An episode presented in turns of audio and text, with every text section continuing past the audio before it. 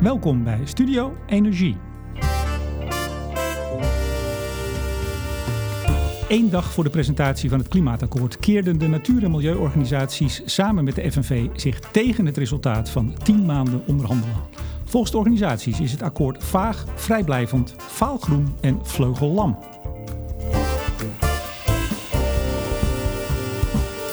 Was het slechts onderhandelingstactiek om dit jaar alsnog een betere deal voor elkaar te krijgen? Of is het definitief over en uit met het klimaatakkoord? Ik vraag het aan de directeur van Greenpeace Nederland. Mijn gast deze week, Joris Thijssen.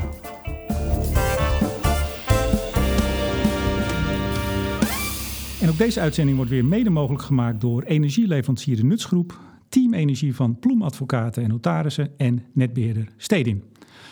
Meneer Thijssen, hartelijk welkom. Dankjewel. We zitten op uw kantoor in Amsterdam-Noord. Vandaag eerste dag na de kerstvakantie. Uh, dat was met jaartje wel, zeg je dan? Ja, dat was met jaartje wel. Een beetje uitgerust? Ja hoor, dat is goed gelukt. Nog op vakantie geweest of? Nee, lekker thuis. Um, eten, slapen, spelen met de kindjes. Toch stiekem weer even een interviewtje geven?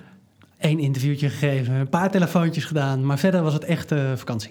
U bent sinds 2016 algemeen directeur uh, van Greenpeace, ook het gezicht. Maar u bent het samen met Anne Schoenmakers. Waarom is er ooit gekozen voor die, die duo-functie? We, we, zien haar niet zoveel, hè? Nou ja, zij doet een aantal andere grote projecten. Bijvoorbeeld, we hebben een hele grote gift gekregen van de Postcode Loterij om een heel groot project te draaien in Brazilië. Daar is zij veel meer actief, daar is zij veel meer zichtbaar. Maar het klimaat- en energieakkoord, dat heb ik gedaan omdat ik ook het energieakkoord heb gedaan. Dus daar ben ik wat meer zichtbaar. Maar het is niet zo dat u het gezicht naar buiten bent en zij meer de sterke vrouw achter de sterke man achter de schermen. Nee hoor, het is de sterke man en vrouw naast elkaar. Kijk eens aan. Ik kijk altijd even naar het cv. Lucht- en ruimtevaart in Delft gedaan. Cum laude. Hulde, zeg ik dan altijd maar. Uh, nog een, een, MBA in Rotterdam gedaan. Ja. En eigenlijk uh, altijd vanaf dag één voor Greenpeace gewerkt. 18 jaar lang inmiddels. Ja, klopt. Nooit, nooit behoefte gehad om een deurtje verder te kijken om de aarde te redden? Nou ja, zoals dat volgens mij met iedereen wel gebeurt, is dat je na een aantal jaren in een baan wel denkt van nou, laat ik weer eens wat anders gaan doen. Maar ja, iedere keer kwam er dan weer een mooie kans voorbij binnen de Greenpeace-organisatie. Dus op een gegeven moment ben ik van Greenpeace Nederland uh, naar China gegaan. Heb ik een jaar in Peking gezeten om daar uh, met de Chinese collega's te werken aan uh, klimaat en energie. Um, daarna kwam er een hele mooie baan vrij bij Greenpeace International. Toen heb ik met twintig landen over de hele wereld gewerkt tegen steenkolen. En daarna kon ik managementervaring krijgen om de campagneafdeling van Greenpeace Nederland te leiden. Dus ja, toen dacht ik van nou, moet ik dat toch ook maar even doen. En nu dan de laatste stap als algemeen directeur. Dus uh, ja, het is gewoon een fascinerende organisatie en natuurlijk ook fascinerende onderwerpen waar je aan werkt. Dus, uh, 2008 nog even drie weken in een Deense cel gezeten. Was het ook leuk? Ja, dat was iets minder leuk. Maar um, um, ja, het gebeurde. Dus, was een uh, soort partycrasher bij het topoverleg de VN-klimaatconferentie Kopenhagen. U zat geloof ik schuin achter Hillary Clinton, hè? had u zich naar binnen gewurmd. Nee, het, het, was, oh. het was nog iets anders. Maar het klopt dat alle staatshoofden kwamen bij elkaar uh, aan het einde van die klimaatconferentie. En het leek erop dat de klimaatconferentie ging zeggen... we hebben een akkoord, we gaan het klimaat redden. Terwijl wij wisten van, dit is een heel zwak akkoord, is niet goed genoeg. Wij moeten nog een laatste oproep doen. En toen hebben we inderdaad twee actievoerders bereid gevonden... om zich te verkleden als uh, heads of state, als uh, regeringsleiders. Die zijn meegegaan in de stoet achter Hillary Clinton. U en voor... Uh, nee. Oh, dat dacht ik. En ik voor, uh, en voor Barroso. Zij zijn toen die avond gearresteerd. Maar toen is de Deense politie gaan kijken van... goh, waar komen die auto's eigenlijk vandaan? Toen bleek dat... Welke genius zit daarachter? En dat was auto, meneer Thijssen. De auto die wij hadden gehuurd als auto van de Deense geheime dienst... die hadden we gehuurd in Nederland op mijn creditcard. Kijk. En zo stonden ze op een gegeven moment in de pizzeria waar ik aan het eten was. kwam er in één keer een arrestatieteam binnen en die hebben mij toen uh, ook meegenomen. En ja, toen heb ik drie weken met de kerst en oud en nieuw uh, in een Deense cel gezeten. Dan kom je wel tot veel overdenkingen, lijkt me. Um, nou ja, het lijkt dat je dan helemaal tot rust komt en dat, dat viel eigenlijk nog wel vies tegen. Want um, ja, ik had ook nog eens een hoogzwangere vriendin die thuis zat. Dus eigenlijk wilde ik echt niet in een cel zitten, maar wilde ik thuis zijn.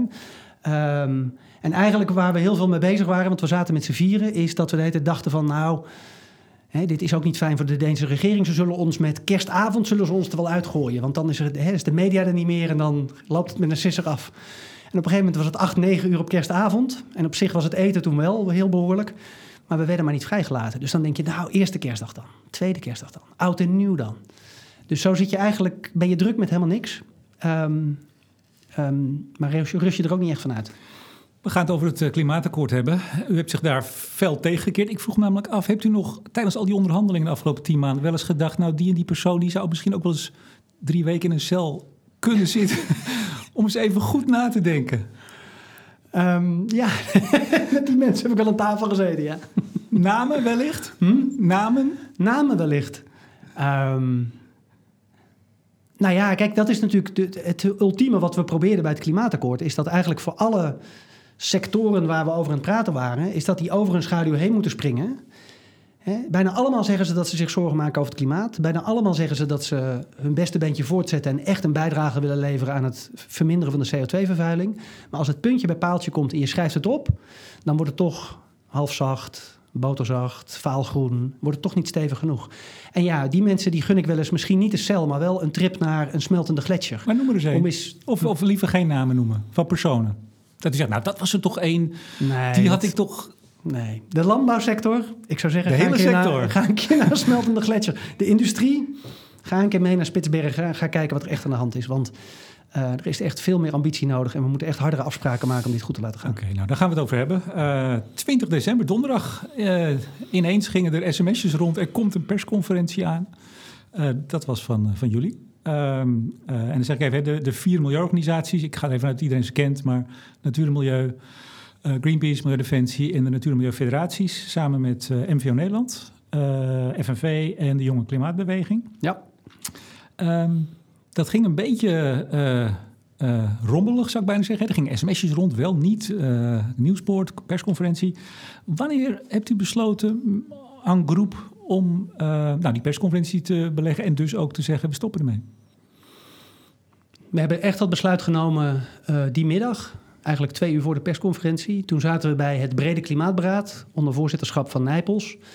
Um, daar hebben we nog één keer heel duidelijk gezegd... dit akkoord zoals het er nu ligt, of dit conceptakkoord, kan onze steun niet krijgen op een aantal pijnpunten.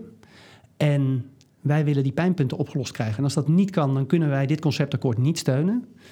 Um, en dan zullen we dat ook vanmiddag gaan vertellen in een persconferentie aan iedereen die het wil horen. Maar die, ehm, die ochtend gingen de sms'jes al. Er zaten mensen aan de tafel met mensen van u volgens mij in gesprek. En die kregen op hun telefoon, uh, ze stoppen ermee. Dat was, was dat chic of was dat misschien niet zo chic?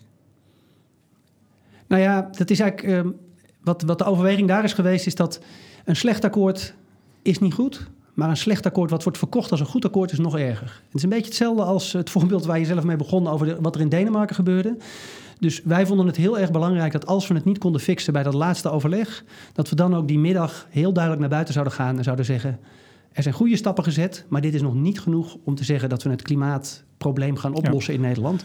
Um, en daarmee gaan we nu, met die boodschap gaan we nu naar buiten. Uh, een half uurtje nadat de persconferentie begonnen was, stond er al een film online, of een filmpje moet ik zeggen. Die, die was ook even snel gemaakt of lag die al klaar? Nee, wij zijn uh, eraan gewend in de milieubeweging om in scenario's te denken. En het scenario dat er geen goed klimaatakkoord uit zou komen, daar hebben we tien maanden lang rekening mee gehouden. Ja, nou, sterker nog, maar daar komen we zo op. Uh, vanaf dag één u eigenlijk gezegd, dit gaat niks worden. Dat heb ik volgens mij niet gezegd. Nou, niet letterlijk, maar het kwam er wel een beetje op neer. Komen we nee, zo op? Ik, volgens mij wat ik gezegd heb, is dit wordt geen Greenpeace-akkoord. Maar het energieakkoord werd ook geen Greenpeace-akkoord. En dat hebben we wel getekend. Daar ben ik ook heel tevreden over. En dit keer uh, bij het klimaatakkoord is dat niet gelukt. Ja, want ik nog één vraag over dat, dat niet uh, tekenen. Eén dag ervoor, en na tien maanden. Dat lijkt toch wel... En u, u deed het ook met een enorme klap. Hè? Wat, uh, echt heel stevige kritiek. Ik noemde in de intro al even die, die woorden. Planbureaus zijn nu bezig. Um, ja, u zegt eigenlijk, ja, prima dat ze nog even wat gaan rekenen. Maar wij weten de uitkomst al. Is dat niet een beetje aanmatigend om dat al te denken? Nou, dat ligt eraan over welke pijnpunten het gaat. Dus bijvoorbeeld een van de, um, een van de speerpunten van de coalitie die je net noemt, die zegt je moet goed kijken naar de verdeling van lust en lasten. Dus iedereen, uh, huishoudens met lage inkomens, met middeninkomens, internationaal concurrerende bedrijven, alle spelers moeten deze transitie mee kunnen maken. Anders schiet je je doel voorbij, dan verlies je je draagvlak en gaat het hele feest sowieso niet door. Maar weet u dan al dat het niet nee, goed dus, zal gaan? Dus over de lusten en lasten, dat weten we niet. Dus dat is nou typisch iets wat je voorlegt aan de rekenmeesters. Die komen dan met een uitslag en dan kun je gaan zeggen... nou, dit is niet gewenst, we gaan nog wat verbeteringen doorvoeren. Nee, maar, op de, sorry, maar er zijn toch een even, aantal... Maar nee, even, op de, tijdens die persconferentie zei u... Uh, uh, dit wordt geen 49 procent, komen we zo op. U zei ook, sowieso is 49 procent niet genoeg. En wat er dan ligt, is niet eerlijk. Ja. Daarmee dus, gaf u toch wel een oordeel over die lusten-lastenverdeling? Ja, dus hoe dat lijn neerslaat bij de huishoudens bijvoorbeeld, dat weet ik niet. En dat moet je bekijken naar de doorrekening. hoe kon maar, dat het niet maar, bijvoorbeeld, was? maar bijvoorbeeld wat de industrie mee betaalt, daarvan weten we dat er nu ruim een half miljard uit de SDE wordt vrijgemaakt voor de industrie. We weten ook dat tegen die tijd, als dat half miljard wordt vrijgemaakt, de industrie 310 miljoen daaraan bijdraagt. En we weten dus nu al dat tegen die tijd, in 2030, de burgers in het MKB 240 miljoen gaat betalen aan de subsidie van de industrie. En daarvan hebben wij gezegd, wij vinden het, wij vinden het nodig dat de industrie zijn eigen broek ophoudt, dat de industrie zijn eigen subsidiepotje vult. En we weten dus nu al dat dat niet het geval is. En dat is dus iets wat ik niet hoef door te rekenen, daar kan ik nu al een oordeel over geven. Ja, nou, ik, ik pak heel even het, het akkoord erbij. Ehm, bij de paragraaf industrie, daar hebben ze vijf ja, zeg maar, lijnen die ze hebben uitgewerkt. En een daarvan is de industrie moet het grootste deel van de totale kosten zelf dragen. Het grootste deel. Nou, dan ga ik even vanuit dat het meer dan de helft is. Ehm, klopt dat? Klopt dat niet? Nou ja, dit is dus waar het akkoord zwalkt. Dus eh, bijvoorbeeld ook de brief van Wiebes aan de Tweede Kamer. Daarin staat ook dat burgers en MKB niet moeten betalen voor de industrie. Maar als je uiteindelijk kijkt naar de teksten die erin staan, dan weten we dat er 550 miljoen wordt vrijgemaakt SDE uit de SDE. Uh, en we weten dat die SDE voor het overgrote deel bij elkaar wordt gebracht door burgers en MKB. Dus we weten gewoon dat wat Wiebes schrijft in zijn brief aan de Kamer niet strookt met wat er nu in het akkoord staat. En dat doen wij niet aan mee. Maar, maar er, zit, er zit nog een Tweede Kamer, die, die zult u ongetwijfeld gemerkt hebben, dat die ook nog uh, meepraten. Um, die verdeling kan toch nog anders worden? Want inderdaad, ik, ik, ik heb het er even bijgepakt. Uh, Wiebes zegt in de brief, het kabinet staat er bovendien voor dat huishoudens en het MKB niet opdraaien voor de kosten van de transitie. Daar staan ze voor. Met andere woorden, het moet doorgerekend worden, er zal ongetwijfeld nog wat veranderen in het akkoord, maar het kabinet staat ervoor. Gelooft u de minister dan niet? Ja, op mij wordt op 21 december gevraagd: kan ik dit conceptakkoord steunen? Zoals het er nu ligt. Nee, dat kan ik niet. 20 december. Nou, op 20 december ben ik zelf naar buiten gegaan en heb ik gezegd: ik steun het niet. Maar op 21 december werd het gepubliceerd. Maakt niet heel veel uit. Voor de kerst werd gevraagd: Greenpeace, kan je dit steunen? En toen hebben we gezegd: nou, op een aantal punten, op een vijf, vijftal pijnpunten, dat zijn de hoofdpunten, kunnen we dit akkoord niet steunen en dit is er één van. Ja, maar, maar nogmaals, toch even, dus de, de tafel waar, waar u ook aan, aan tafel zat, uh, die zegt, een van onze vijf thema's is, we gaan zorgen dat de industrie dat uh, voor het grootste deel zelf draagt. De minister zegt, wij staan daarvoor, dat dit niet op de burger wordt afgewenteld. Ja, ik nou zou ja. bijna zeggen, wat, wat moet je er nog als u dan zegt, nou, geloof ik niet. Nou ja, kijk, de minister die heeft ook aangekondigd dat hij de manier waarop de SDE bij elkaar wordt gehaald, de odeheffing, dat die wordt herzien. Nou, lijkt me heel verstandig. En ja. dan heeft hij ook gezegd van, precies de, de woorden ja. die u net aanhaalt, van en ik ga kijken naar de verdeling tussen burgers en MKB en de industrie. Wij hebben toen gezegd, nou, dat klinkt hartstikke goed. Schrijf dan gewoon op, nu in het akkoord, dat burgers en MKB niet gaan bijdragen aan de industrie. En dat de industrie zijn eigen subsidiepot zal vullen. Als je dat doet, heb je onze steun. Als je dat niet doet, ja, dan is het gewoon te vaag. Maar nou is dat akkoord, uh, en ik, uh, ik ben hem aan het lezen, ik ben er nog niet helemaal door, uh, moet ik zeggen, want er is af en toe niet doorheen te komen. Um, het is 227 pagina's, geloof ik, waar heel veel komma's en bezweringsformules staan. Is dat niet gewoon een beetje wat er blijkbaar, zeg ik dan maar, bij hoort? En moeten we dus ook nog even tijd geven, doorrekening. Er komt dus waarschijnlijk nog, gaan we het zo nog over hebben, een volgende ronde, uh, sowieso in, uh, in de Kamer. Had u niet gewoon even kunnen wachten? Ja, kijk, Greenpeace die zit niet in de Tweede Kamer. Dus als de Tweede Kamer nu nog dingen gaat aanpassen, ja, dan is dat aan de Tweede Kamer als hoogste orgaan in dit land. Maar het is natuurlijk wel zo dat het kabinet in wezen wel aan tafel heeft gezeten en wel heeft gezegd: wij steunen wat hier ligt. Dus het kan nog naar de Tweede Kamer gaan, dan kan er nog allemaal dingen veranderen. Maar mij is gevraagd voor de kerst kun je steunen wat er nu ligt. En wij hebben aangegeven bij die persconferentie, er zijn er vijftal punten waar we dit niet kunnen steunen. En één daarvan is dat de industrie niet zijn eigen kosten betaalt.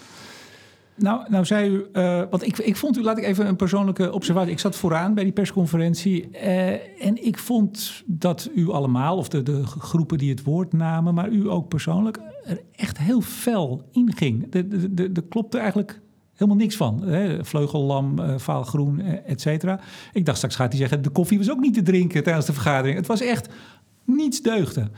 Um, ja, je kunt ontevreden zijn en ontevreden zijn, maar wa waarom ging u er zo hard in? Um, nou ja, dan is het goed dat we nu iets langer hebben. Dan kan ik ook praten over de stukken die wel goed zijn. Want laten we wel wezen, er zijn vijf sectoren geweest. En 2,5, daar zijn we eigenlijk behoorlijk tevreden over. En 2,5 is het onvoldoende geweest. Um, en waarom we er zo hard in gingen is... is, ik denk wat je ook gezien hebt als je vooraan bij die persconferentie hebt gezien, is de frustratie en, ehm, en de urgentie die wij allemaal voelen. Dus wij zijn aan tafel gegaan niet omdat het makkelijk is, maar omdat het essentieel is dat we nu echt werk gaan maken van klimaatbescherming. En we zijn er gaan zitten niet dat we dachten van... oké, en dit wordt dus een Greenpeace-akkoord. We, we snapten heel erg goed dat we compromissen moesten sluiten... en dat dit niet een Greenpeace-akkoord zou worden. En dat accepteerden we toen we tien maanden geleden begonnen. En als het dan uiteindelijk niet lukt, omdat bijvoorbeeld over de verdeling van lust en lasten... bijvoorbeeld dat de minister zegt... de industrie moet zijn eigen broek ophouden... maar hij schrijft het niet hardop... ja, dan op een gegeven moment dan denk je... ja jongens, dit gaat niet lukken. En dan zit er inderdaad frustratie... en ook wat boosheid over van ja, dit is niet de manier om een goed klimaatakkoord te sluiten. Wellicht hebt u de persconferentie een dag later bij de presentatie van het akkoord uh, uh, gezien of gehoord, wellicht. Ik zou, u was niet in de zaal. Nee, ik heb u niet gezien.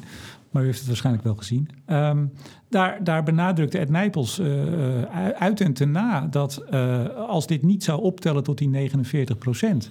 Nou, dan komen er andere, intensievere, nieuwe maatregelen. Het wordt absoluut 49 procent. U zei zojuist, hè, die urgentie om, om iets aan het klimaat te doen. Maar het klinkt een beetje alsof u zegt, nou dat gaat niet gebeuren. Hebt u dan ook geen vertrouwen in die 49 procent? Kijk, er zijn een paar dingen. Eh, dus de 49 procent, dat zullen we zien bij de doorrekening.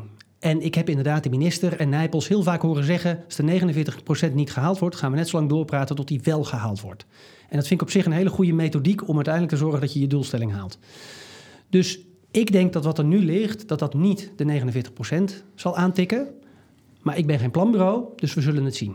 Maar ik kan een aantal zinsneders laten zien in bijvoorbeeld de industrietekst, waarin het volgens mij te vaag is en niet hard genoeg nee, maar is dat, dat is het helder. Maar dat is helder. Maar die, dus, die maar er zijn een aantal andere. Maar, u haalt geen geruststelling uit het feit dat en Ed Nijpels en de minister, dus het kabinet, zegt linksom, rechtsom, het wordt 49 procent. Nee, maar er zijn drie punten waar de doorrekening mij niet gaat helpen. Dus één is hoeveel betaalt de industrie zelf. Dat nee, maar daar nu, hebben we nou even gehad. Ja, dat wordt nu besloten. Gaat dat niet 49 procent? Halen we die? Ik denk dus dat dit akkoord het niet haalt. Nee. Maar ik denk wel dat je na de doorrekening kan je zorgen dat dat op een gegeven moment wel gehaald ja, dus dat pijnpunt is dan van tafel. Dat klopt, maar dat is ook niet het pijnpunt waarom ik heb gezegd... we kunnen geen steun verlenen aan dit conceptakkoord. Nou, dat, dat hebt u dat, dat zei u wel. wel. U zegt, het ik wordt denk, geen 49 procent. En een volgend punt, u zegt ook 49 procent is te weinig voor Parijs. We halen ja. Parijs niet. Dat zegt u ook al vanaf het begin. Dat zei u al als Greenpeace bij de presentatie van het regeerakkoord ja. al. Uh, toen, vroeg ik me af, ik weet niet of het van u kwam of van Milieudefensie. Uh, dat was wel een mooie vergelijking. Uh, hiermee komen geloof ik tot aan Antwerpen en we moeten Parijs halen. En wat bij mij een beetje het beeld opkwam was...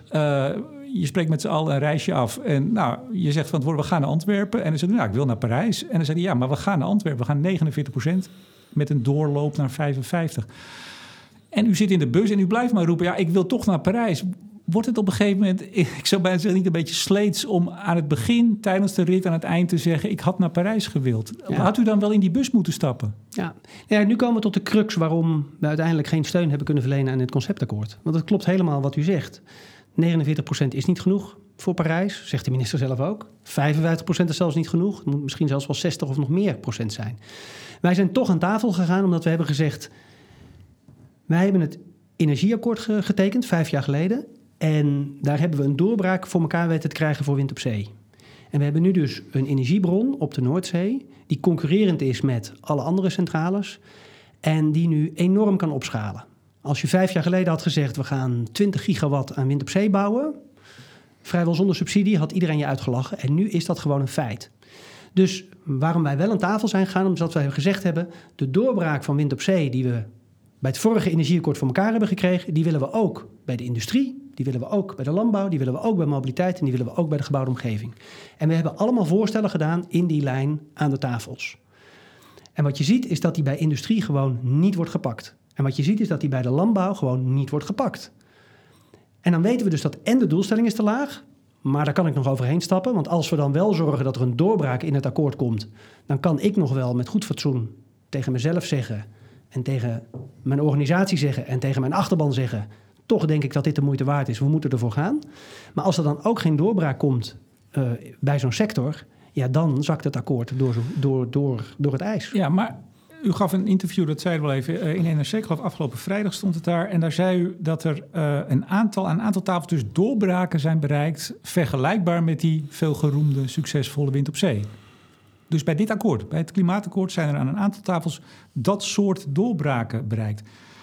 Toen ik dat las, toen dacht ik, nou, nou snap ik helemaal niet meer dat u dus zo hard inging op die persconferentie. Want daar leek er echt niets van te deugen. Want het hele akkoord niet. En dat is wat bij mensen, ja, u lacht, maar dat is wat bij mensen blijft hangen.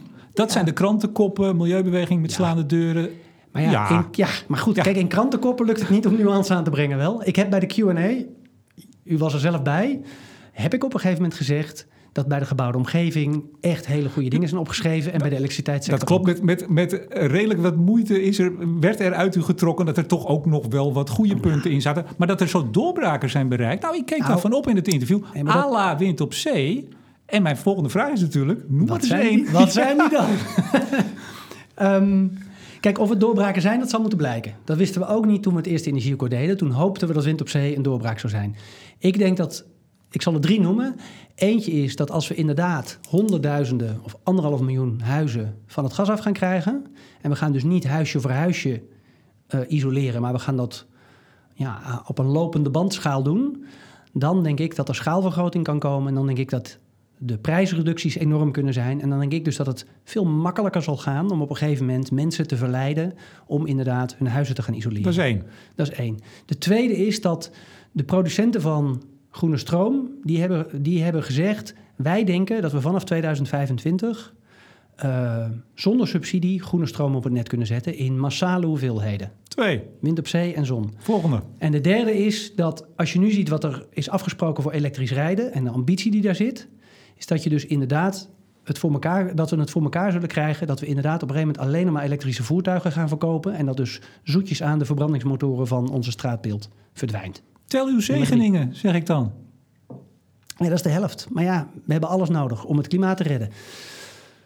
Ja, ja, ik moet dan toch even... Ik zit even te kijken of ik die quote hier heb. Eh 31 oktober, minister Wiebes in de Tweede Kamer over Jesse Klaver. De heer Klaver ken ik, zei hij. Die wil alles en die wil het nu. En dat zei, nou, dat vind ik wel sympathiek. Ehm, maar het heeft toch ook nog iets te maken met... Ja, dat zijn mijn woorden hoor. Realiteit, kostenbeheersing, had hij het over. Hè? Je kunt niet alles nu willen. Je moet ook een zekere... eh, ja, je moet het soms ook wat tijd geven. Ja, maar sorry, meneer Wiebes die wil zelf ook dat zowel de landbouwsector als de, als de industrie ook gaat zorgen voor megatonnen aan CO2-reductie. Dus volgens mij zeg ik daar precies hetzelfde als wat de minister zegt. Waar we over, mening van, waar we over van mening verschillen is hoe de industrie dat nu gaat doen.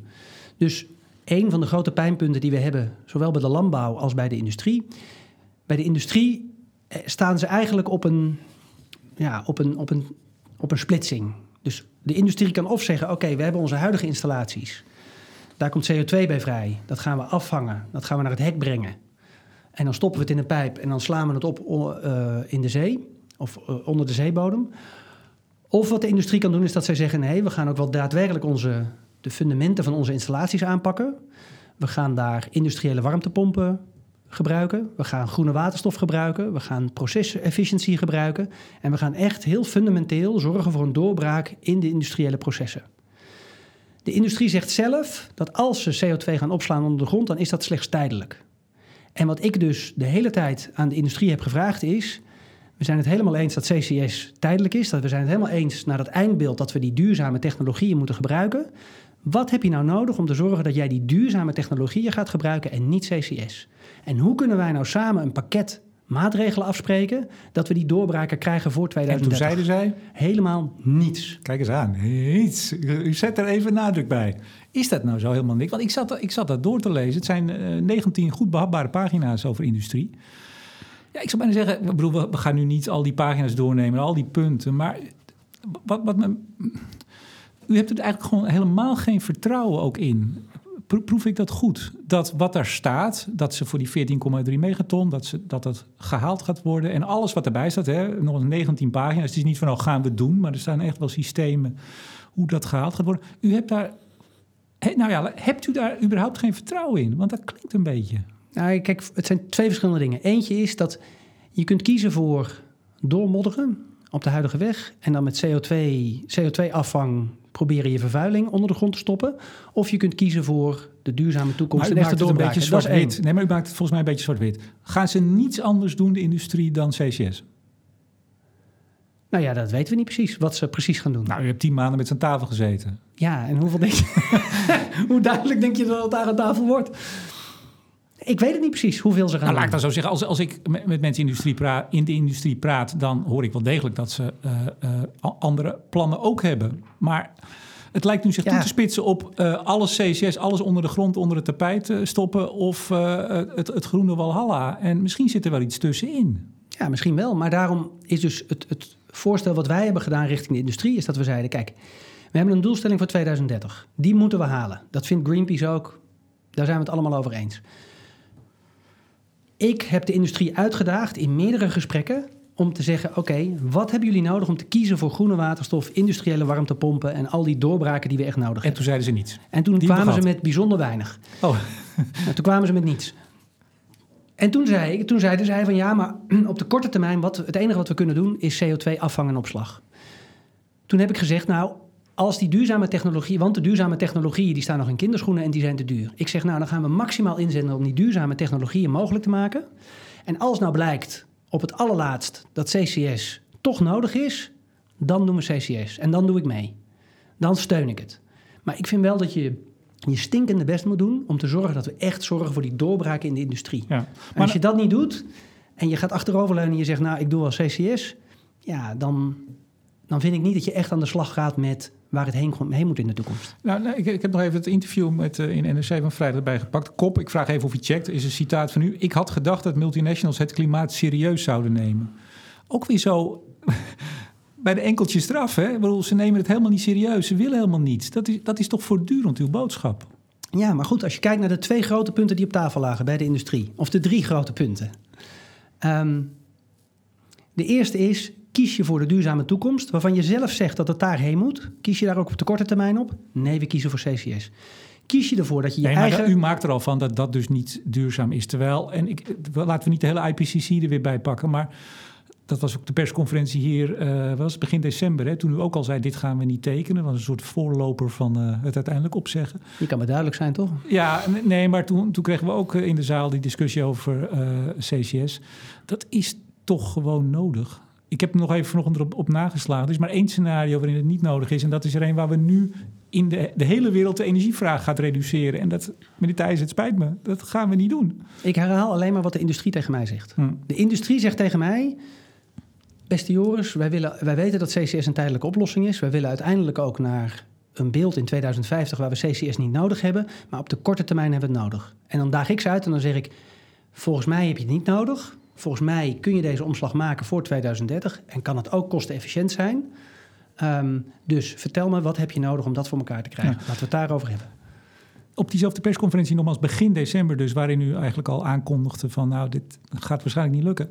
Daar stond u op een gegeven moment voor een slide met eh, knelpunten. En toen zei u eh, in tekst... eh, wij zijn tegen CCS. En achter u stond een van de knelpunten... te grote inzet op CCS. Toen vroeg ik me af, en dat vraag ik u nu... bent u nou gewoon er helemaal tegen of een te grote inzet? Want te groot, daar lijkt wel wat ruimte voor een compromis. Ja. Waar het over gaat is dat. Kijk, het gaat uiteindelijk over we willen klimaatverandering stoppen. En we willen catastrofale klimaatverandering voorkomen. Nee, dat, maar dat, dat, nee, nee, dat maar daar gaat steeds... Ja, ja, maar dat is wel gewoon, is, bent u nou tegen CCS of te veel CCS? Nee, maar waar het dus over gaat is... We moeten nu een doelstelling in 2030 halen. Ik kan kiezen of ik CO2 onder de grond stop... of ik kan kiezen om die fundamentele omslag te maken. Ik wil dat we die fundamentele omslag maken. Als nou blijkt dat dat toch niet lukt... dat het toch te duur is of toch te moeilijk is... Dan mag er een ook, beetje CCS. dan kunnen we tijdelijk zeggen... nou, laten we dan maar iets met CCS doen. Want ja, dat is beter dan dat we het meteen in de lucht er gooien, stond, er CO2. stond in het eh regeerakkoord, in het regeerakkoord van 20 megaton ooit. Nou, daarvan zei iedereen, dat is wel heel erg veel. Eh, het is nu 7, geloof ik. Hè? Zo, nou, dan kunt u toch zeggen, nou ja, oké. Het is geen 20, het is ook geen 10 geworden. Ook geen 5, het is 7. Nou ja, vooruit dan maar. Trekt er een beetje een, een mismoedig gezicht bij en zegt nou, vooruit. Ja, not good enough. Had gekund, maar ehm, hoe het nu staat in het akkoord, denk ik dus wat er gaat gebeuren, is dat eind dit jaar gaat de subsidieregeling over, open voor CCS. Die gaan heel veel subsidie krijgen en toegekend krijgen. En groene waterstof en de industriële warmtepompen en al die andere technologieën waarvan iedereen zegt, inclusief de industrie, dat is waar de doorbraak moet komen, die vissen achter het net. Maar die groene waterstof waar u het altijd over... Ja, u, u- we zijn nog aan het nieuwe jaar. Hè? We moeten nog wel een beetje de moed erin houden. Ik, eh, Nee, maar die groene, die groene waterstof. Ik geloof dat de, de volledige eh, capaciteit van wat we aan wind op zee hebben staan in 2030 nodig is om. eh, hè, dus alles voor eh, groene waterstof en dus niks meer voor onze eh, mooie elektrische autootjes. Wilt u daar niet ook misschien een beetje veel? Ook weer alles nu. Het is gewoon een ingroeimodel. Uh, er gaat straks, we willen allemaal schone stroom in onze huis, in onze auto. En een beetje misschien naar de industrie, maar lang niet genoeg voor die hele industrie aan de groene waterstof te krijgen. Ja, dit is waar de elektriciteitstafel eigenlijk een uitdaging heeft neergelegd aan de industrie. En die heeft gezegd: wij hebben nu een scenario gemaakt waarbij we een bepaalde hoeveelheid wind op zee gaan realiseren. Maar beste industrie, als jullie denken dat je meer nodig hebt, zeg het maar. Dan gaan wij wel kijken of we het kunnen leveren. Dus in wezen heeft de elektriciteitstafel gezegd: kom maar op, zeg maar hoeveel groene stroom je wil, industrie. Gaan wij het voor je opwekken. Dus wil ik te veel? Nou, ik weet het niet. Dan moeten we aan de elektriciteitstafel vragen. Maar dan moet eerst de industrie maar eens even doorkomen met een ambitieus scenario over hoe ze niet voor CCS kiezen, maar voor de andere opties. Dus straks de lichten gaan hier in het pand uit. Betekent dat iets? Want volgens mij is het nog werktijd, of niet? Ja, dat betekent dat we energie besparen. Dat we niet onnodig op de gang... Uh... Het is ook niet heel warm hier. Dus dat is in die zin ook wel goed. Goed, hè? Ja. Gelukkig heb ik een trui aan. Um, ja, even toch het effect van uw boodschap... of van het signaal wat u hebt afgegeven... Hè? Die, uh, die donderdag voor de kerst. Uh, heeft Rob Jet al gebeld? Nee, Rob Jet heeft nog niet gebeld. Uh, want ik, ik kan me zo voorstellen dat hij misschien wel in een heel lastig pakket zit. Kunt u zich dat ook voorstellen? Ja, dat kan ik me wel voorstellen, ja.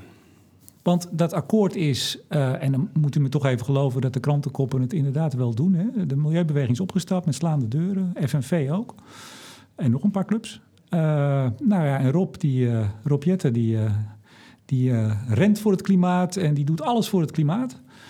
En die zegt dat we koploper in de wereld moeten zijn, de klimaatleider. Uh, en u zegt, ja Rob, hartstikke mooi, maar dat doe je hier niet mee. Had u hem niet een klein beetje kunnen helpen? Nou ja, ik had hem graag willen helpen. Kijk, het, ik, ja, dat heb ik ook gezegd bij de persconferentie. Nee, maar u doet een beetje, het is u, het is u toch niet overkomen. Dit, dit is strategie. Greenpeace, daar kunnen we veel van zeggen. Maar u bent strategisch als organisatie en volgens mij ook als persoon, 18 jaar hier in de burelen actief strategisch goed onderlegd. Uh, u hebt hier volgens mij over nagedacht. Ja, natuurlijk hebben we hierover nagedacht. Maar het eerste wat we met elkaar, tegen elkaar gezegd hebben is, is dat we ervan balen dat er geen klimaatakkoord ligt. Eh, dat is helder. Ja, dat is helder. Maar ja, dat is, wel, dat is wel het vertrekpunt van waaruit we handelen. En het gaat niet over Rob Jetten of over Erik Wiebes of over wie dan ook. Het gaat erover, denken wij, dat dit optelt tot 49 procent. Maar belangrijker worden hier de juiste keuzes gemaakt... dat dit leidt tot doorbraken, alle wind op zee. Zodat we kunnen zeggen, ook al is de doelstelling te laag... dit is wel de goede richting, dit steunen we en hier gaan we vol voor. Nou, dat is voor 2,5 2,5 tafel gelukt. En voor 2,5 tafel is dat niet gelukt. En dat is gewoon niet genoeg. Nee, maar het, het, het beeld nogmaals. En nou ja, ik, ik weet niet of u een abonnement op de Telegraaf hebt. Wellicht, misschien, ik weet het niet. Greenpeace heeft zeker een uh, nou, dan, dan, hebt u, dan hebt u recent wat koppen langs zien komen. Uh, en misschien bent u daar wel blij mee. Nou, laat ik het u vragen. Bent u er blij mee dat ook de Telegraaf uh, en het hele PVV, Forum voor Democratie geluid... dat het verschrikkelijk is wat er staat te gebeuren. En met name ook dat de burger dit door de strot geduwd krijgt. Ik citeer hierbij de Telegraaf. en dat de industrie wegkomt, die grote vieze vervuilers. Dat is eigenlijk ook uw boodschap. Bent u daar blij mee? Nee, ik vind het vreselijk wat er gebeurt. Want volgens mij. Hoezo? dat is toch ook uw boodschap? Nou, nee, maar kijk, wat ik vreselijk vind is dat wat we nodig hebben om deze operatie, om Nederland klimaatneutraal te krijgen, is dat we met heel veel partijen steunen wat we hier gaan doen. En dat we dus met z'n allen deze transitie doormaken. Dus er is heel veel draagvlak nodig voor deze transitie. En inderdaad, met de organisaties met wie wij hebben gezegd: wij steunen dit akkoord niet. Dat is zo'n anderhalf à twee miljoen mensen. Ja, dat is dus een enorm verlies aan draagvlak. En natuurlijk had ik veel liever gewild dat ik Rob Jet had kunnen zeggen... nou, het is geen Greenpeace-akkoord, maar het is wel een, een, het is een, het is een prima klimaatakkoord. Dus wij kunnen dit steunen. Maar helaas zal er de komende maanden toch nog meer moeten gebeuren... Um, als we uiteindelijk bij het definitieve akkoord willen kunnen zeggen... ja, dit steunen we wel. Maar, maar ja, ik weet bijna niet hoe ik het moet vragen... maar u hebt toch wel door dat u zelf ook onderdeel bent van die polarisatie... door er zo hard in te gaan... U, u kunt nu toch zeggen, ja, god, dat is wel heel vervelend, vind ik wel heel erg. U, u bent daar toch ook een, een, speler in, in dat spel van, in dit geval het volledig bij de enkels afzagen van het akkoord. Hoewel de 2,5 tafel eigenlijk best goed gelukt zijn, hoor ik nu. Ziet u dan niet dat u daar een rol in hebt? Ja, natuurlijk snap ik dat ik daar een rol in heb. Maar dan hebt u toch ook een keuze om het misschien, ik probeer het maar, hè, om het misschien anders te doen? Hebt u spijt? Zo Ja, bij. uiteindelijk, nee, maar kijk, uiteindelijk gaat het erover... steun je dit akkoord dat het wordt doorgerekend of steun je dat niet? Dat is, dat is, Nee, een, dat zwart, is dat is een zwart-wit vraag. ik en, die vraag en die vraag moesten we voor de kerst beantwoorden met... nee, op dit moment steunen wij dit conceptakkoord niet. Vind ik het jammer dat er dus geen akkoord ligt... wat een breed draagvlak heeft in de Nederlandse samenleving? Ja, dat is, dat is verschrikkelijk. Want dat betekent dat we gewoon ja, niet goed genoeg aan de slag gaan. En waarschijnlijk ook dat we inderdaad die polarisatie krijgen in de samenleving... waardoor steun voor goed klimaatbeleid afkalft. Dus Ja, ja, U plaatst het een beetje buiten uzelf. Die krijgen we, daar bent u onderdeel van. U wakkert dat ook aan. Ja, en ik heb tien maanden mijn stinkende best gedaan met mijn team en met die andere organisaties om een goed klimaatakkoord te krijgen. Maar ja, als uiteindelijk dat niet voor elkaar komt, dan heb ik liever ehm, dat duidelijk is dat dit een slecht akkoord is, dan dat we een slecht akkoord gaan verkopen als een goed akkoord. Het is voor de is helft een slecht akkoord. Hm? Zo- het is voor de helft een slecht akkoord. Ja, Het is nieuwjaar. Laten we toch proberen positief, of in ieder geval vooruit te kijken. Mhm. Dat is sowieso iets wat we in deze tijd doen. In datzelfde NRC-interview zei u, we vinden een aantal keuzes fout. Nou, dat, dat, hebben, dat hebt u duidelijk gemaakt. Maar als daarover te praten valt, willen we heel graag weer meepraten. Nou, dat vond ik wel weer een mooie opening. goed hè? Ja, Alleen omdat er te praten valt over de keuzes, dan, dat vindt u wel genoeg om weer aan tafel te komen. nou ja, kijk, als, als ehm, Nijpels belt, als voorzitter van het hele Klimaatberaad, en die zegt: Goh, Joris, ja, we hebben nog eens nagedacht. En dat CO2 onder de grond opslaan is misschien toch niet zo'n slim idee. En misschien moeten we toch wel kijken hoe we die fundamentele ehm, eh, verandering naar die duurzame technologieën voor elkaar willen krijgen. Wil je nog eens meedenken? Ja, natuurlijk schuif ik dan aan tafel. Heeft hij niet Dat gebeld is precies wat ik wil. Met de kerst? Nee, hij heeft niet gebeld met kerst. Hij is ook op vakantie, denk ik. Ehm, Kijk, en hetzelfde geldt, eh, want daar, daar hebben we het vooral over industrie. Maar goed, een ander pijnpunt zit natuurlijk bij de landbouw. Bij de landbouw zie je eigenlijk hetzelfde. Dat we gaan efficiëntere stallen maken. Dus dus nog meer investeren in nog meer stallen. eh, waar je dan een beetje mee reduceert. Terwijl de fundamentele verandering die ook daar moet gebeuren... is dat je minder beesten houdt. Dat je met minder beesten wel een eerlijk inkomen genereert voor de boer. Ehm, en dat je op die manier zorgt dat we inderdaad op een gegeven moment... een klimaatneutrale landbouw krijgen. En ook daar ja, er wordt nu een scenario-studie gedaan waar we dan op een gegeven moment over mee mogen praten. Maar dan moeten we het wel met iedereen eens worden dat we dan het beleid tot 2030 gaan aanpassen. Ja, jongens, dat is gewoon te halfzacht en te vaag. Dat Maar is dat- gewoon niet de doorbraak die nodig is Ja, voor maar dat, is weer een beetje hetzelfde als, als, als waar we het net over hadden. Hè? Ik bedoel, dit stond in het regeerakkoord. Er stonden een paar eh, kantlijnen, zou ik maar zeggen. Of nee, hè? afbakening. Eén was rekeningrijden, niet eh, in deze eh, kabinetsperiode. En één was een, die warme sanering, dus minder dieren. Dat, dat weet u dan toch? Het is prima dat u er tegen blijft ageren, maar... U hebt dan toch niet de illusie dat u dat alsnog op tafel krijgt, of wel? Nou ja, we hebben ook nog wel een paar andere problemen bij de landbouw. We hebben ook een, een eh, stikstofprobleem en een fosfaatprobleem. En er zijn nog allerlei andere ehm, tekenen die erop wijzen dat de landbouwsector op dit moment verre van duurzaam is. En ja, ik zou zeggen als landbouwsector, ehm, maar ook als kabinet, dit is, je, dit is e- een kans om daar echt eens mee aan de slag te gaan. Ja. Ik las ook in het interview, eh, u noemde het een messy proces. Messy in de zin in het Engelse woord van eh, rommelig en, en lastig, hè? Eh, meepraten, ageren. U zei het is veel makkelijker om aan de gevel te hangen en te zeggen ehm, dat je het er niet mee eens bent. U doet toch gewoon beide? U hangt, nou niet letterlijk dan, althans ik heb u niet zien hangen, maar figuurlijk hangt u aan de gevel met, met die persconferentie en alles wat daarna kwam. Maar u hebt ook tien maanden meegepraat. Ehm, is dat niet lastig? Nou ja, dat zeg ik ook in het interview. Nou ja, dat is lastig. Kijk, ehm, ja, dat is best wel lastig. Want hè, als je kijkt naar.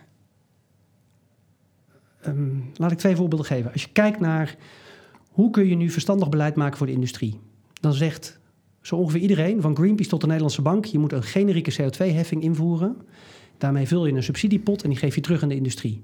En Gaan, gaan net wel een paar industrieën eh kassie wijlen, kapot. Nee, maar goed, dat is dan macro-economisch. dat is niet Kan het kloppen? Dat is niet waar.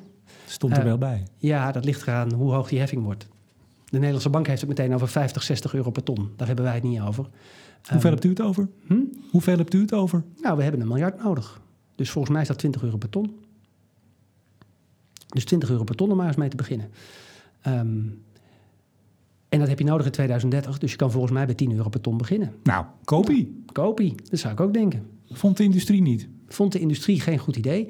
Maar wat ik maar wil zeggen is dat, kijk, als je dus kijkt vanuit hè, bij Greenpeace zeggen we, wij geven de aarde een stem. En wij willen zorgen voor klimaatbescherming. Dan kijken wij naar wat is nou verstandig om te doen. Nou, dan zeggen alle wetenschappers wat verstandig is om te doen, is het de vervuiler te laten betalen. Geef CO2 een prijs en geef dat terug aan de industrie in de vorm van subsidie.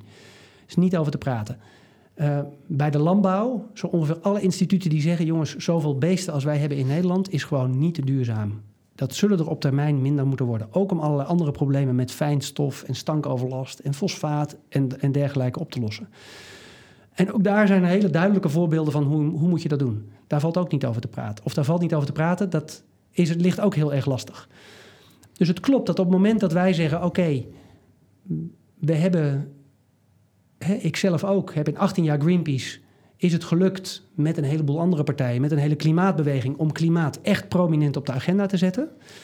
Um, dat hebben we gedaan door aan kolencentrales te hangen en te pleiten voor CO2-beprijzing, et cetera, et cetera. Nu heb je een kans om aan tafel te gaan bij een kabinet wat best een behoorlijke doelstelling, een best een behoorlijke doelstelling heeft gesteld. Uh, en mag je meedoen, kan je meepraten, kan je proberen je verstandige besluiten of je bestandige voorstellen aangenomen te krijgen. Maar je weet, je gaat niet krijgen waarmee je aan tafel gaat. Want je bent maar één van de honderd partijen die daar zitten. Dus dat is best wel lastig voor mensen die altijd hebben gezegd: we kijken naar de wetenschap, we geven de aarde een stem en we komen dan gewoon met het meest verstandige beleid. Dat je aan tafel gaat en weet, dit worden compromissen. Maar u hebt met het energieakkoord, daar bent u tevreden over. Dat is goed gegaan. Ja. Daar hebt u ervaring op gedaan met die, dat, die, die tweespalt, zou ik bijna zeggen. Uh, dan weet u toch, ja, dat zal nu wel weer. U hebt, u hebt de helft binnengehaald. Tweeënhalf tafel gaat goed. Ja, maar dat is dus een messy proces voor Greenpeace. Ja. Soms vinden wij het makkelijker om te zeggen... we doen een analyse, dit is hoe het moet... en we gaan campagne voeren. En nu hebben we weer gekozen om aan tafel te gaan. Want inderdaad, de ervaring van het energieakkoord was best wel goed. Dus dat, wilde, dat smaakte naar meer bij het klimaatakkoord. En helaas is het dit keer niet gelukt. U zei twee jaar geleden in een interview in De Groene... toen keek u terug op het energieakkoord. Toen zei u... Uh, u had het over een verandering, veranderstrategie van Greenpeace. We willen de invloed van onwillige bedrijven verminderen. Is dat gelukt? Nee, niet genoeg. Dat blijkt wel. nou, dat vermoed ik al, maar ik dacht, ik vraag het even. Ja, heel goed. nou ja, als ik, als ik ook die kop boven het artikel of dat interview zie, dan is het helemaal niet gelukt. Als ik u zo hoor. Ja, ja dat klopt. Kijk, nou ja, dat klopt. Maar waar is, de strategie, waar is, de strategie, dan fout gegaan, zou ik bijna zeggen? Mm, ja,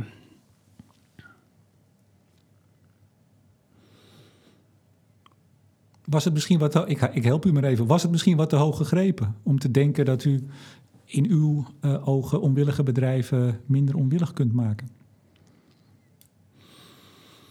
Ik weet het niet. Ik vind het een moeilijke vraag. Ik vind dat, dat, dat bedrijven, ook de onwillige bedrijven, heel erg met, um, met dubbele tong praten. Ze hebben allemaal een mond vol van Parijs en het klimaat, uh, uh, klimaatbescherming en dat de anderhalve graad niet overschreden moet worden en dat iedereen zijn steentje moet bijdragen.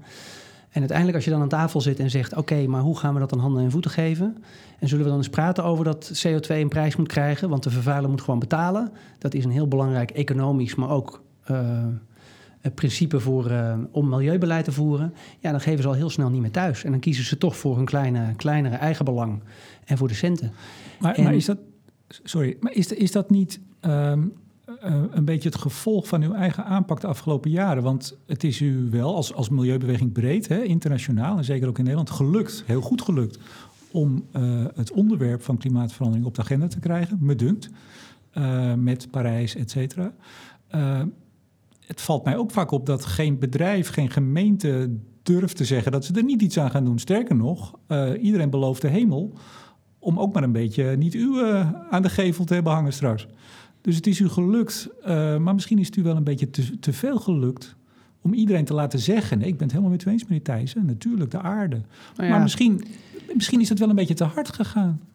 Nou nee, kijk, ik vind het dus. prima dat ze het zeggen. En ik hoop niet dat ze het doen omdat ze dan uh, bang zijn dat Greenpeace aan de gevel komt hangen. Nou, ik kan u vertellen, ik hoor dat wel eens letterlijk. Nou ja, dus daar dat zijn is ze wel bang Dat is ook goed. Kijk, ik hoop dat ze het doen omdat zij ook de IPCC-rapporten lezen en ook lezen wat voor klimaatcatastrofe er op ons afkomt. En ook snappen dat ze daar een bijdrage aan hebben en dat ze dus deel van de oplossing moeten worden. Nee, maar even, even, serieus. Die, die druk is zo, ja, maar die druk is zo hoog geworden dat je wel moet zeggen dat je ook alles doet en, en je belooft de hemel.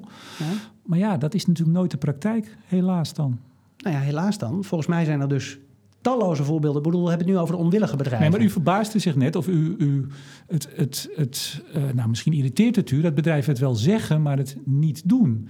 En ik probeer alleen te kijken, heeft dat er niet ook mee te maken dat u die druk zo erg verhoogd hebt afgelopen jaar, dat ze bijna wel zich gedwongen voelen om het in ieder geval maar te beloven? En ja, maar ja, dat is dus een beetje dom. Je moet het niet alleen beloven, je moet ook een plan maken. Bovendien hebben we het nu over de onwillige bedrijven. Terwijl er zijn ook voor heel veel gewillige bedrijven... die wel degelijk hun plannen op orde hebben... en wel degelijk bezig zijn om een klimaatbelasting te, te reduceren. En het gaat niet alleen over de bedrijven bij wie het relatief makkelijk is. Um, je hebt ook elektriciteitsbedrijven die hebben gezegd... wij willen geen kolencentrales. Um, nou, dan laat je leiderschap zien. Ook al dat je weet dat kolencentrales misschien tijdelijk nog goedkoper zijn. Maar dan laat je leiderschap zien door te zeggen: wij sluiten die optie uit. Terwijl andere bedrijven. hebben gezegd. Eneco wellicht. Nou, Eneco is zo'n bedrijf. Maar, maar die ook geen kolenbedrijf. Geen nee, maar er zijn internationaal natuurlijk veel meer bedrijven die dat ook hebben gedaan. Terwijl andere bedrijven nog geïnvesteerd hebben in nog meer kolencentrales. Ja, dan laat je geen leiderschap zien en doe je precies het verkeerde. Nou, dat zie je ook in de industrie. We gaan afronden. Um, hoe groot is de kans dat u, uh, nou, misschien vanaf morgen weer, uh, weer meepraat? Misschien niet uh, formeel in tafelsetting, maar gaat u weer virtueel aan tafel? Mm, nou ja, die zie ik niet zomaar gebeuren, virtueel aan tafel. Kijk. Nou ja, wordt er gebeld? Wordt er al, wordt er al gesproken over aanpassing? Nou, je vroeg net of uh, Rob Jetten of Ed Nijpels mij gebeld hebben. Die hebben mij nog niet gebeld. Hebben ze uw nummer bellen, wel? Hm? Wie weet, hebben ze uw nummer wel? Ja, ze hebben mijn nummer wel. um, kijk, en ze kunnen wel bellen, maar dat betekent niet dat we meteen aan tafel gaan. we hebben een aantal pijnpunten benoemd um, die echt op tafel moeten liggen, waar, moet echt over, waar echt over gepraat moet worden. Um, en als die ruimte er is, dan willen we heel graag aan tafel. Dan willen we heel graag zorgen voor een goed klimaatakkoord met draagvlak. Maar als die ruimte er niet is, ja, dan hebben we er niks te zoeken. Dan gaan we de naam van Greenpeace daar niet aan geven. Was, was er toch die, die, die, die, die slaande deuren, noem ik het maar even. Me, meestal doe je dat als organisatie als je strategisch bezig bent, omdat je verwacht dat met weglopen of met stoppen van overleg je meer bereikt dan uh, aan tafel blijven zitten. Verwacht u dat het een beter akkoord gaat worden? Laat ik zeggen dat ik het heel erg hoop. Maar verwachten Kijk, ik weet het niet. We hebben niet hier gehandeld omdat we zeggen, joh, dit is strategisch slimmer. We hebben dit gezegd omdat we, omdat we echt wat er nu ligt niet kunnen steunen. We kunnen niet zeggen tegen de Nederlandse bevolking of internationaal for that matter. Wat er nu ligt gaat ervoor zorgen dat in Nederland klimaatvervuiling stopt. Ik heb dat ook gezegd in de, in de, persbriefing waar, uh, waar u bij was uh, begin december dat wij een premier hebben die in Europa, maar ook binnen de VN pleit voor hogere CO2-reductiedoelstellingen. Voor 55% reductie in 2030 is fantastisch. En daar heb ik hem ook de afgelopen tien maanden voor gecomplimenteerd dat hij dat leiderschap laat zien. Maar dan moet hij wel zijn eigen huis op orde hebben. Nou, daar kon hij de hele tijd voor zeggen: ik maak een klimaatakkoord, dan heb ik mijn huis op orde. En nu blijkt, het conceptakkoord is gewoon not good enough. It doesn't add up. Het is gewoon niet goed genoeg om echt te laten zien wij, wij tonen leiderschap in de wereld als Nederland in klimaatbescherming. Nou, dat is heel erg. Dat is de reden waarom we hebben gezegd: dit kunnen wij niet steunen. Als we dan straks wel weer aan tafel worden uitgenodigd en onze pijnpunten zijn bespreekbaar, ja, natuurlijk gaan we dan aan tafel, want wij willen dat goede klimaatakkoord. Wij willen graag draagvlak creëren voor dat klimaatbeleid. Maar bespreekbaar is één. Tot slot, noem nou één punt als u mag kiezen. Als u zegt, nou, als we dat punt, uh, niet alleen dat we erover kunnen praten, maar ik ga ervan uit dat u bedoelt dat er daar verbetering in komt in uw uh, visie noem mij eens nou één punt waarvan u zegt, nou, als we dat binnen kunnen halen, dan een, een grote, dan gaan we alsnog. Uh, ja, nee, dat zijn vijf punten. Sorry. Het blijven er vijf. het zijn er vijf en het blijven er vijf. U houdt hoop, zei u net. Ja. Ja, ik hou hoop. Ik bedoel, het, het, het, het issue is zo groot en het wordt steeds duidelijker hoe groot, wat voor enorme gevolgen klimaatverandering heeft. Zeker voor zo'n laagliggend gebied als Nederland. Het wordt steeds duidelijker wat voor enorme economische kansen er ook zijn als we wel klimaatbeleid gaan voeren. Dus ik blijf hoop houden dat op een gegeven moment die CEO's van die internationale bedrijven, maar toch ook alle politiek leiders in het land snappen van jongens, we moeten deze draai maken en laten we het nou op een goede, ordentelijke wijze doen. Dan kan iedereen het volgen. Dus ik hou hoop. Jongens, blijven helpen. Sorry? En we blijven helpen en duwen en trekken en kietelen en campagne voeren. U noemt het helpen. Met slaande deuren het, huis in, brand steken. Nou, dat was, vond misschien niet iedereen uh, heel behulpzaam. Maar we hebben ook een uh, groene waterstofcoalitie in elkaar gezet met uh, 40 organisaties. Volgens mij is dat behoorlijk helpen. Joris Thijssen, directeur Greenpeace Nederland. Hartelijk dank voor dit gesprek. Graag gedaan. Ik bedank ook deze week weer energieleverancier De Nutsgroep, Team Energie van Ploemadvocaten en Notarissen en netbeheerder Steding voor het mede mogelijk maken van deze uitzending. En uiteraard bedank ik jou, beste luisteraar, voor het luisteren. Mijn naam is Remco de Boer. Graag tot volgende week.